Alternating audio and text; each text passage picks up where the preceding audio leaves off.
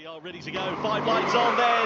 Round 15 of the ABB FIA Formula E World Championship is underway. Good start then from Nick Cassidy. He chops the nose off as Sebastian Williams tries to go around the outside of Dennis in towards turn one. This is where it's squeezed up and it's an Division 1-2 but Dennis is going to... hejsan! Hjärtligt välkomna till ett nytt avsnitt av Peter, Paul och eh, Motor. Och nu ska vi lämna historien. Vi har ju haft ett par historieavsnitt här på, på rad raken. Utan nu ska vi prata om vad som har hänt eh, i år. Vi ska titta på årets Formel E-VM, den nionde säsongen av eh, Formel E där en ny generation av bilen eh, togs fram bland annat. Men eh, Peter, man kan prata med oss, eller inte prata, men man kan skriva till oss. Ja, vi har eh, kommit så långt i, i utvecklingen att vi faktiskt har en mejladress som ni kan skriva till. Ja, det är imponerande att vi har kommit så långt.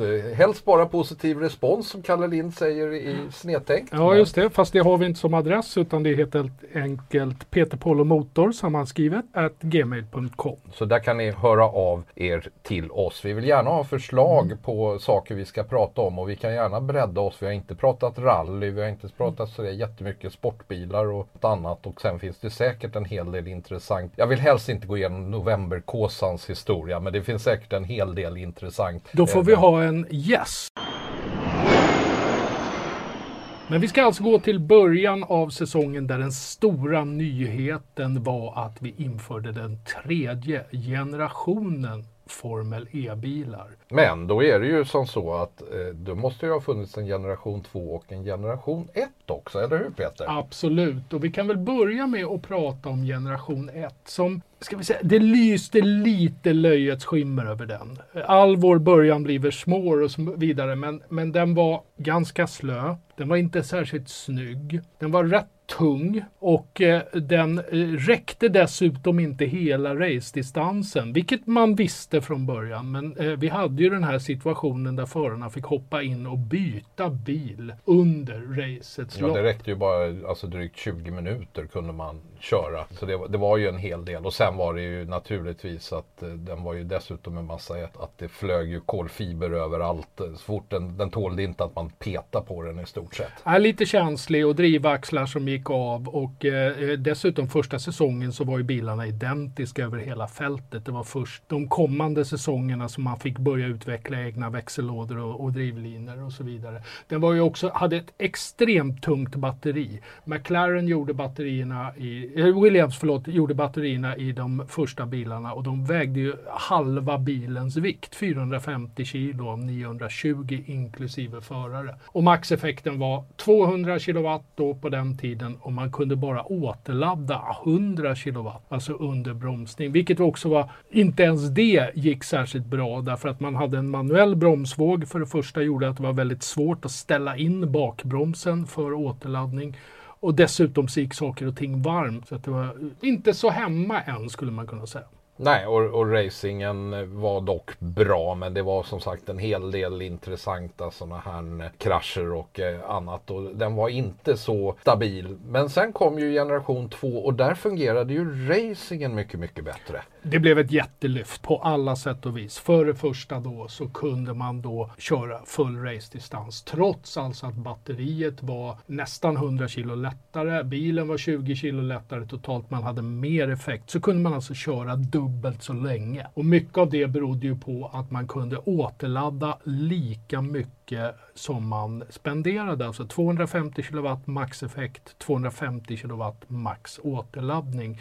Med dessutom en elektronisk bromsvåg som gjorde att man kunde använda den här i princip hela tiden. Och sen så är vi då framme, eller innan vi kommer fram till generation 3 så kan man ju säga att det är ju en hel del som är standard i de här bilarna som alla använder. Men samtidigt så är det att man kan göra egna saker i den också. Chassi och kaross, om vi säger det aerodynamiska, det är identiskt för alla. Det man får jobba med är motorer och drivlina. Drivlinan innehåller egentligen ingen transmission längre. Det finns inga växellådor, utan de är på moppespråk enpetare. Där får alltså teamen utveckla sina egna. Eller så får man köpa en drivlina till ett maxpris av, av 250 000 euro, vilket ändå är en ganska fet sudd pengar. Ja, fast det är ju inte så förfärligt ändå. Vi ska säga det att, att McLaren gjorde alltså batteriet i generation 2-bilen som var på 54 kilowatt. Gen 3-bilen som vi kommer till nu den har ett mindre batteri trots att den har 100 kilowatt mer, 350 kilowatt. Dessutom har en mycket högre toppfart. Det är ju då tack vare att den återladdar också mycket mer energi. Ja, så att man ser utvecklingen av batteriteknik i Formel E och dess racing. Jag skulle säga när det gäller standarddelarna ska man ju säga att det gäller ju även däcken. Först var det Michelin som tillverkade däcken för de två första generationerna och sen gick man över nu till Hankook inför årets generation. Men det är ett alldäck. Det ska klara regn, det ska klara sol och eh, det, det är inte ett slicksdäck. Det finns inga blandningar, vilket vi är vana vid från all annan racing. Det finns inget att välja på. Det finns ett däck. Man får två uppsättningar per racehelg som man måste ta hand om på olika sätt. Det är lite synd tycker jag ändå, för det hade varit lite roligt ur strategisynpunkt om man hade haft, som man har i Formel 1, ett mjukt, ett medium och ett hårt däck så att man hade kunnat välja välja lite vad som skulle, passar hur bilen fungerar och så vidare. För vi har ju sett att man har haft olika uppställning. Till exempel förra säsongen så var ju Envision-bilen var ju väldigt bra på att rotera, alltså komma runt snabbt. Men hade andra problem och så vidare. Så det hade fått en parameter till att spela med. Men det här är, är liksom då de här tre generationerna. Det är en ny bil och jag vet att du älskar utseendet på den nya bilen.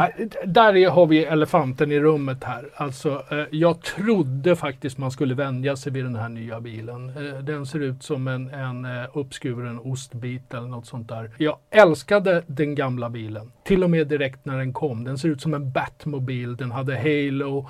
Den var häftig helt enkelt. Ja, det här ser mer ut som Godzilla. Gen 3-bilen, smaken är som baken och det här är väldigt subjektivt. Men den är inte vacker. Jag har sett den live också. Den är inte bättre i verkligheten än vad den är på tv eller på bild. Den är inte snygg. Men den är ju en modern formelbil, det vill säga allt det aerodynamiska sitter under bilen. Den har ju vingarna upp till är nästan bara kosmetiska och håller en massa LED-lampor. Utan här, här sitter verkligen aerodynamiken på undersidan. Den är 60 kilo lätt lättare än den gamla och eh, har alltså en maxeffekt nu på 350 kilowatt vilket motsvarar 470 hästkrafter ungefär. Så det är riktigt bra prestanda i den också, på gott och ont. Vi kommer lite till det. Och, och som du sa, den har Hankook-däck då eh, för första gången. Och de där var lite hårda i början på säsongen, det märkte man. Det blev lite svårkört för att däcken var lite hala, men det fick de till under, under säsongen. En annan detalj för de som då tittar på andra formelsporter är också att bilen är ganska smal för att vara formelbil. Jag menar en Formel 1-bil är bredare. Eh, bilen är alltså 1,7 meter bred och det har synts bland annat i Monaco där man nu kör samma bana som Formel 1-bilarna. Att det finns mera möjligheter att komma runt där så att den är lite, lite smalare än en formelbil, vanlig Formel 1-bil till exempel. Där skulle jag vilja hävda med bestämdhet att både då eh, Gen 2-bilen från att man började köra hela Monaco-banan och nu generation 3-bilen har vi sett något av det bästa i racingväg, rent sportsligt, eh, som vi har sett i Monaco på många, många år. Kanske sedan Sennas dagar. Ja, eller faktiskt egentligen ännu tidigare för man hade ju problem med omkörningar redan då. Utan Monacos storhetstid är ju fram till 60-talet. Eh, när, eller tills att man byggde det här bassängkomplexet som jag kallar det nere i hamnen. För det ställde till det. Men det är inte det det här programmet ska handla om. Så nu, nu återgår vi till det vi ska prata om. Men för att ha en säsong så måste man ju ha en inledning till säsongen och ett mellanspel mellan säsongerna. Och det är där vi börjar årets säsong. Förra året så vann Stoffel van Dorn i Mercedes. Det var alltså sista säsongen man körde generation eh, 2-bilen. Men det blev ganska mycket annorlunda mellan de här två säsongerna när man växlade från generation 2 till generation 3. Både nya team och förare. Det vart en, ska vi säga, ovanligt rörlig silly season. Mercedes hade ju då vunnit de två första säsongerna som det här var ett riktigt världsmästerskap. Och eh, nu då så bestämde man sig faktiskt för att eh, sluta tävla i Formel E i samband med generationsbytet på bil. Då ska vi bara säga det här med VM. Det är ett förar-VM men det är inte ett konstruktörs-VM eftersom det här är då standardbilar. Då kan, och man sätter inte, FIA sätter inte VM-status på teams utan du måste vara konstruktör. Nej. Så att även om det var Mercedes så räknas man inte som en konstruktör eftersom så mycket av bilen är standard.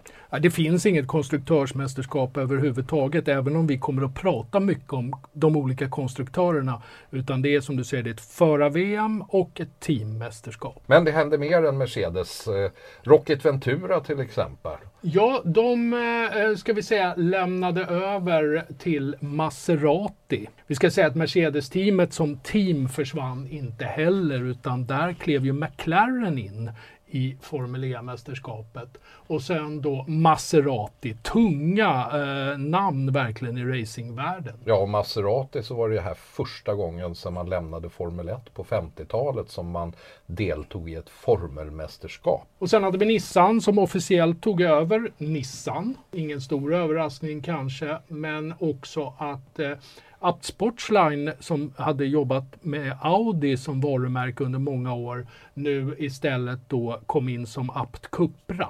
Ja, och om vi backar tillbaka till Nissan så är det ju så att eh, de, de har ju funnits med hela vägen. Alltså det är, Renault och Nissan är ju samma ägare så att säga. Det är ju en bilkoncern. Och man har tävlat tillsammans och så har man haft vad som kallas för Edams som är ett, ett, företag som har hjälpt till då och haft ägandeskapet. Så att det, Nissan var inte direkt nytt utan det som var nytt var ju att man hade lämnat både Renault och Edams bakom sig och tagit in det i, alltså i Nissan-koncernen.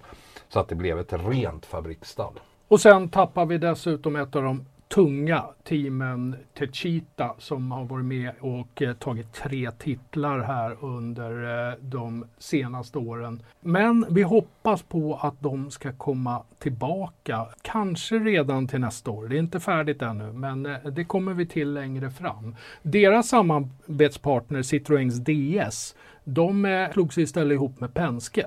Men om vi då växlar över till, till förarna då. Det, det, det första som egentligen hände på förarmarknaden var ju att eh, Andre Lotterer sa att han inte skulle köra Formel E utan satsa då på Le Mans igen. Men han skulle köra Porsche då och den här eh, ganska fina Daytona-hybriden som deltog eh, då i, i Le Mans. Men det tog i stort sett bara två månader och sen så var han tillbaka i alla fall. Så han stod på startlinjen i år ändå. Man får väl en liten känsla av att han, han går dit Porsche-ledningen pekar att han ska gå. Jag tror att de vill ha in honom eftersom Andretti då är, kör med Porsches drivlina så ville man ha in honom där. Men det var inte någon, vi kan ju gå lite händelserna i förväg, men det var ju inte någon av hans bästa säsonger i, i Formel E som han eh, gjorde. Det kändes som han inte riktigt var engagerad. Men det var, det var också en del andra och som... Han har redan sagt upp sig igen. Han har redan sagt upp sig igen. ja. Så nu räknar vi med att han inte kommer med 2024. Alex Sims försvann också som hade varit med ett par år. Och det blev en del förarförflyttningar på förare som ju varit på samma ställe i många år. Eh, Lucas de Grassi flyttade på sig. Sebastian Buemi flyttade också på sig till den här säsongen. Så det, det var en hel del eh, förändringar. Sen var det ju tänkt då att Nick de Vries skulle köra men eh, han fick ett annat jobb ett tag. Ja, ett tag ja. Han, han eh, blev ju Formel 1-förare under en halv säsong. Olyckligt igen där. Vi, har vi pratat om i andra sammanhang, men att komma in i fel bil vid fel tillfälle. Att få, få chansen hos eh, Red Bull med eh, Alfa Tauri och eh, den bilen är sämst den halvan av säsongen som han kör i Formel 1. Och sen blev det ju så att vi hade ju två tunga namn som stod utan bil. Alltså Wern som blev ju av med sin eh, Techita och Stoffel Van Dorm då som behövde eh, en, en ny körning och de hamnade ju hos Penske. Och Penske var under eh, hela egentligen eh, generation 2-eran eh, bottenteamet, möjligen tillsammans med Nio. Vi säger säga att de slogs om bottenplatserna. Och eh, de tog ju över DS då från Techita och Jan-Erik Wern och fick in även Stoffel van Dorn och ska säga eh, ryckte upp så ordentligt med den här nya bilen. Men innan vi då går in i vad som hände i den nuvarande säsongen, det blir ganska långt det här, men, men så ska vi gå in i ett av våra favoritområden men också där vi kämpar mest, nämligen förändringar i sportreglementet. För det sker varje år och så har vi någonting med oss som vi har glömt att det har hänt och sådär. Så vi brukar få kämpa med det här och lita väldigt mycket på Peter normalt sett när det gäller sportreglementena. Ja, där vill jag faktiskt börja med att backa ytterligare ett år för eh, säsong 8 så gjorde man någonting väldigt bra och det var att man ändrade hela kvalförfarandet. Innan dess, för er som har följt Formel E, så var det ju så att man hade fyra stycken kvalgrupper där man egentligen bara gjorde ett flygande varv. Det baserades på VM-tabellen. Eh, Så de som låg längst upp i VM-tabellen fick kvala först. Och det är alltid sämst att kvala först. Vilket gjorde det att, att eh, det var svårt att få kontinuitet på säsongen. Oftast var det sådär kvalgrupp 3. De kvalade bäst. För kvalgrupp 4, det var de som låg allra längst ner i botten på tabellen. Så de var kanske inte riktigt lika vassa team och förare. Men det, här, det blev lite lotteri av det. Att, att kvala var i rätt kvalgrupp vid rätt tillfälle och att man så att säga straffades för att man gjorde bra resultat och låg bra i tabellen. Så förra året gjorde man om det här på ett eh, mera normalt sätt. Man har två stycken grupper, de kvalar 10 minuter var. I praktiken så innebär det att man hinner ut och köra två gånger med ett däcksbyte emellan. Och eh, ofta kör man då bara ett flygande varv med, fu- med inte full effekt utan då race-effekt som är 300 kilowatt i den nya bilen. Och det har visat sig bra och det har, har gjort också att kvalet har faktiskt blivit riktigt spännande för oss som följer tävlingarna intensivt. Ja, för det man la till sen var ju en shootout. De fyra bästa i varje kvalgrupp de går vidare till dueller. De övriga de får sina startpositioner efter, efter resultaten i gruppen. Men där hade man ju då alltså då med full effekt, 350 kilowatt, eh, kvartsfinaler, semifinal och final. Och det blev ju också väldigt bra TV tycker jag. Jag tycker all sån där typ av vad vi kallar superpole där man får i princip se bilarna en och en, i det här fallet två och två. Det blir väldigt bra TV. Och här var det också meningen att man skulle kunna synka bilderna så man skulle kunna få se dem sida vid sida. Det gick ibland, men eh, också att man får uppdateringar av avståndet betydligt oftare än sektortiderna. Så ett spännande kvalförval. Vi fick också se betydligt fler mellantider under de här duellerna än de vanliga sektortiderna som gjorde det extra spännande att följa i TV. Några negativa saker tyckte jag att man dock gjorde med reglerna. Man tog bort fanboost. Jag ska väl säga att fanboost hade ingen större påverkan av raceresultatet. Fanboost måste vi ju då förklara är att de som tittade på racet kunde rösta och så var det fem förare som fick en boost alltså av energi. Fem sekunder var det va? Full effekt, Full effekt ja. Så den skulle kunna användas antingen till att försvara sig eller att attackera med. Den försvann inför i år. Trots att det inte eh, egentligen vid något tillfälle som jag känner till avgjorde något race. Så var det en kul grej. Och att engagera publiken i racingen med den här typen av, av eh, internetdeltagande tycker jag är bra. Det andra man gjorde var att man minskade ner mängden attack mode och då kanske du ska berätta vad attack mode är också. Attack mode var att man var tvungen att lämna racelinjen två gånger under loppet och gå in i en zon och då fick man mer energi under ett antal minuter och det har skiftat fram och tillbaka genom åren och, och det blev väldigt mycket den här säsongen också. Eh, så att där var man tvungen att avväga att du förlorade tid att gå ur racelinjen mot att du fick mer energi. Man hade ingen val. Man var tvungen att ta det här två gånger under racet så att alla var tvungna att göra det men man kunde ju styra när man gjorde det. Jag säger att det här är stulet rakt av från Mario Kart. Det hävdar jag med bestämdhet där man kan gå lite bredvid banan och få en extra skjutseffekt. Och det här var väldigt bra med Gen 2-bilarna och normalt fick man åtta minuter attack mode sammanlagt. Men nu gick man ner till fyra minuter eh, med lite strategi. Man kunde välja om man ville ta 2 plus 2 eller 1 plus 3 eller 3 plus 1 minut. Men också med de nya däcken och den nya bilen så hade det inte lika stor påverkan. Man tycker 70 extra hästar skulle göra större skillnad än vad det faktiskt gjorde. Men det var, eh, bilarna var lite för svårkörda i början och det var väldigt kort tid så att jag tyckte att Attack Mode hade ingen större påverkan på racen längre. Annat än att man taktiskt måste ta dem vid rätt tillfälle. Ja, och det gjorde att det var flera som liksom gick in på varv två. Precis, Av- förarna av 30. insåg att här gäller det att bränna av de här så fort som möjligt så kan vi racea sen. Och det är inte det som är meningen. Nej, utan man ska kunna använda dem som en strategisk och det funkade jättebra som du sa under generation 2. Men är det något mer på sportreglementet? Eller Nej, jag skulle bara säga att det blev bättre mot slutet av säsongen. Jag tror att man var oroliga för eh, också bilens räckvidd. Man gick ju över alltså på ett fast antal varv också den här säsongen istället för en fast tid. Förut körde vi 45 minuter plus ett varv. Nu körde man en sträcka istället. Och eh, det gjorde, jag tror att man drog ner på det här med attack mode för man var lite oroliga för räckvidden. Så mot slutet av säsongen då gick man upp på totalt 8 minuter attack mode igen. Och då tycker jag också att det blev bättre. Men då börjar vi titta på årets eh, säsong och en av de sakerna som både du och jag gillar med det här mästerskapet Peter är ju att det är ett VM, inte bara på förarsidan utan det här att man kör på många olika ställen runt om i världen. Ja, till årets säsong konstaterar vi att vi kör faktiskt i alla världsdelar. Inte Antarktis. För, ja, Okej, förlåt. jag glömde det. Det är klent med racerbanor i Antarktis, men om man skulle kunna racea där av miljöskäl så skulle man kunna köra Formel E där. Eller möjligen Extreme E. utmärkt. Ja. Är väl det närmaste. Ja, men annars alltså Afrika, Europa, Asien, eh, Indonesien, Syd och Nordamerika och även Centralamerika. Så att eh, 11 platser, totalt 16 deltävlingar. Eh, så ett riktigt VM. Och sen ska man ju då säga för de som inte tittar så mycket på Formel E att man kör ofta i stadskärnorna. Och det tycker jag är styrkan i det här mästerskapet. Man tar racingen till publiken. Vi kan nog nästan konstatera att förutom Monaco som man väl kanske kan kalla en riktig racerbana. så så eh, det är ju en stadsbana det också med det här. Så, så eh, de sämsta racen har nästan varit när vi har kört på riktiga racerbanor under årens lopp.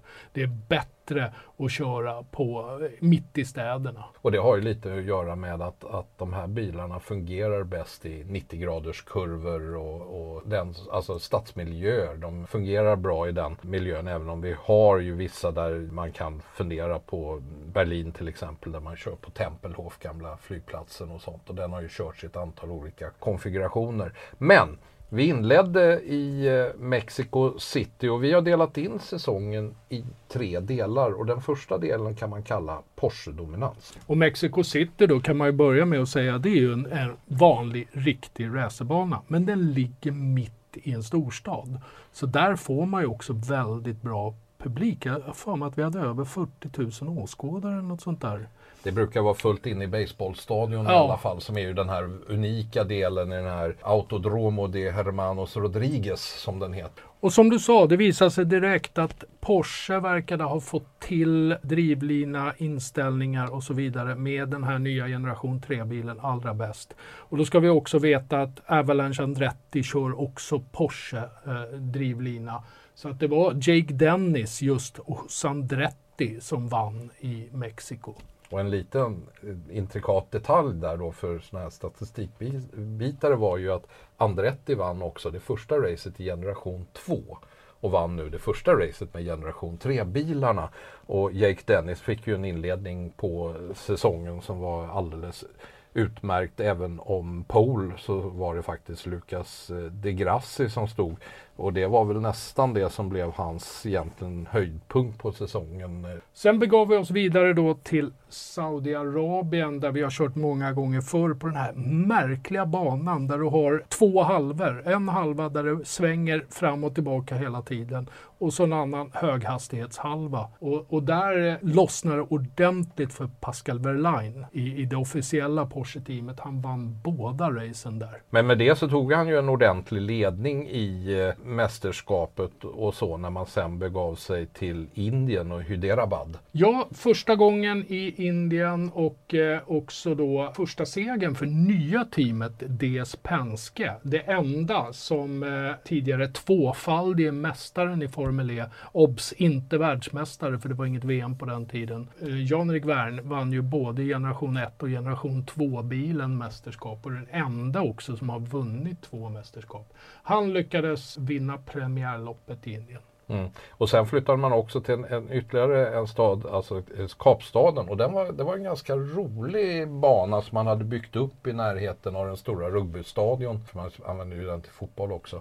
Eh, men som ligger alldeles nere vid vattnet. Och så hade man byggt en bana som visade sig ge väldigt bra racing. Och även här blev det ju eh, Porsche som tog hem eh, segern, inte Verline då, men eh, den andra föraren i teamet. Antonio Felix da Costa tog sin enda seger för säsongen. Även han då ju tidigare vinnare med DS Techita. Men det är egentligen liksom det vi kallar den första halvan av säsongen och då trodde man ju det att att, att Porsche kanske, att det här skulle bli Porsches år och att de skulle springa iväg med mästerskapet för den var tydligt snabbast i början.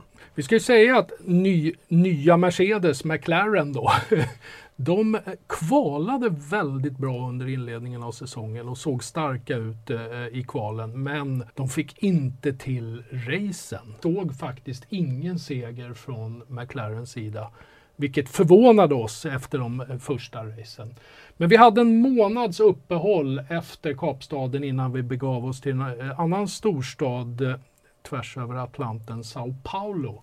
Och då svängde det till Jaguars fördel. Ja, och det, det, var ju helt plötsligt så var ju det att, att Jaguar har ju sitt fabriksstall. Och eh, där kan man ju också säga som en liten sån här pikant detalj också då att, att det var rätt roligt för att eh, bilen i år var ju svart och vit. Den var ju ganska, om man uttrycker det så, så tycker jag att de, de gjorde den här bilen så snygg som det gick att få den. Men då hade de som så att den vita och svarta sidan på bilen var skiftad. Så att Sam Bird hade det på ena sättet, Mitch Evans på det andra sättet. Så man kunde ganska lätt se vilken av förarna det var. Och sen så, så hade ju Jaguar då att man hade drivlina till Envision-stallet. Och då kommer vi in på den andra delen av säsongen. Egentligen så fortsatte den hela vägen men vi har ändå valt att dela den i två eh, bitar. Men helt plötsligt så fick Jaguar ordning på sin drivlina. Och trots att Sam Bird var snabbast i Sao Paulo vad det gällde varvtider så var det Mitch Evans som eh, tog hem segern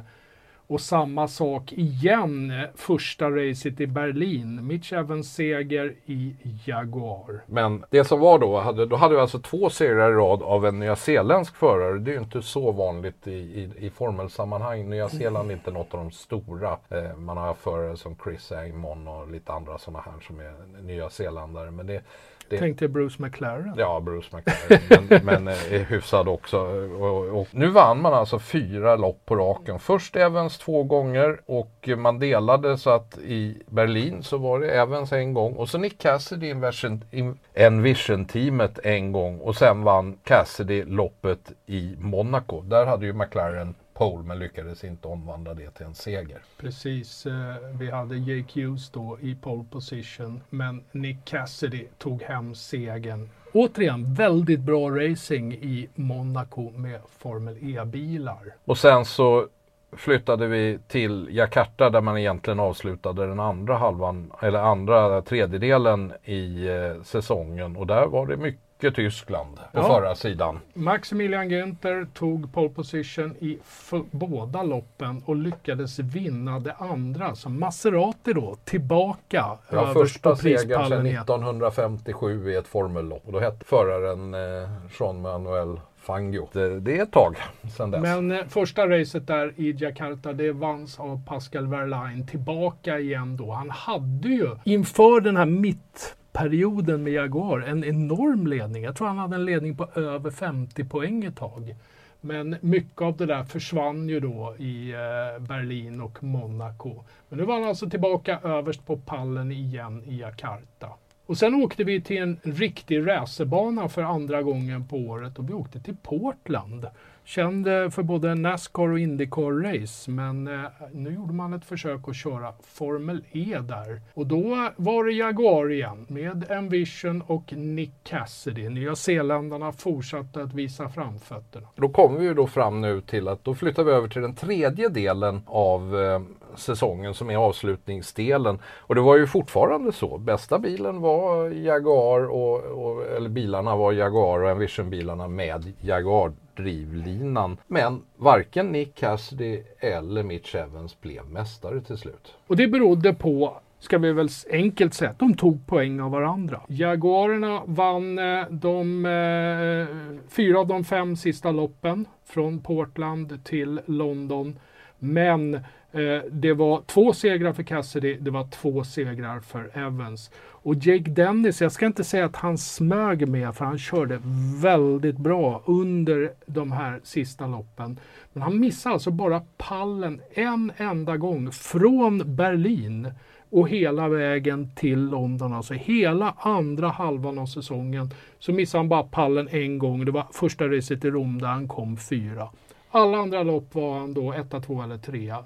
Bara en seger, men det räckte för att han eh, skulle kunna säkra titeln i London redan i första racet. Och, och sen bröt både Cassidy och Evans varsitt race på slutet eh, som ställde till det för dem. Men... Det stämmer, Evans bröt andra racet i Rom och eh, Cassidy eh, bommade första racet i London och det var ju där, ska vi säga, VM avgjordes. Och som du sa, både Cassidy och Evans vann fyra race var den här säsongen. Eh, Dennis vann två, men han tog mästerskapet och det gjorde han på att han tog flest pallplatser. Han hade inga sådana här dippar. Cassidy hade problem med i början. Det tog eh, fyra lopp innan han var på pallen till exempel. Så att, så att det var mycket det och, och eh, Dennis eh, väldigt välförtjänt blev mästare till slut. Ja, Line som öppnade så starkt och ledde så stort eh, under första halvan av säsongen. Han var alltså inte topp fem någon gång efter Jakarta. Och sen om man då tittar på hela eh, förarserien så veteranerna hängde med eh, ändå. Värn och eh, femma och eh, sexa. Buemi hade ju problem i början med att det, inte, det blev bara en enda pallplats för honom. Men han lyckades eh, skramla ihop poäng till slut så att han blev sexa totalt. Günther de hade, Maserati hade ju problem med att eh, växlingen mellan när de växlade över från att vara Rocket Ventura och växla med nya bilen. Det tog de halva säsongen innan de fick ordning på och förstod bilen och eh, tog ju en seger då under andra halvan av säsongen.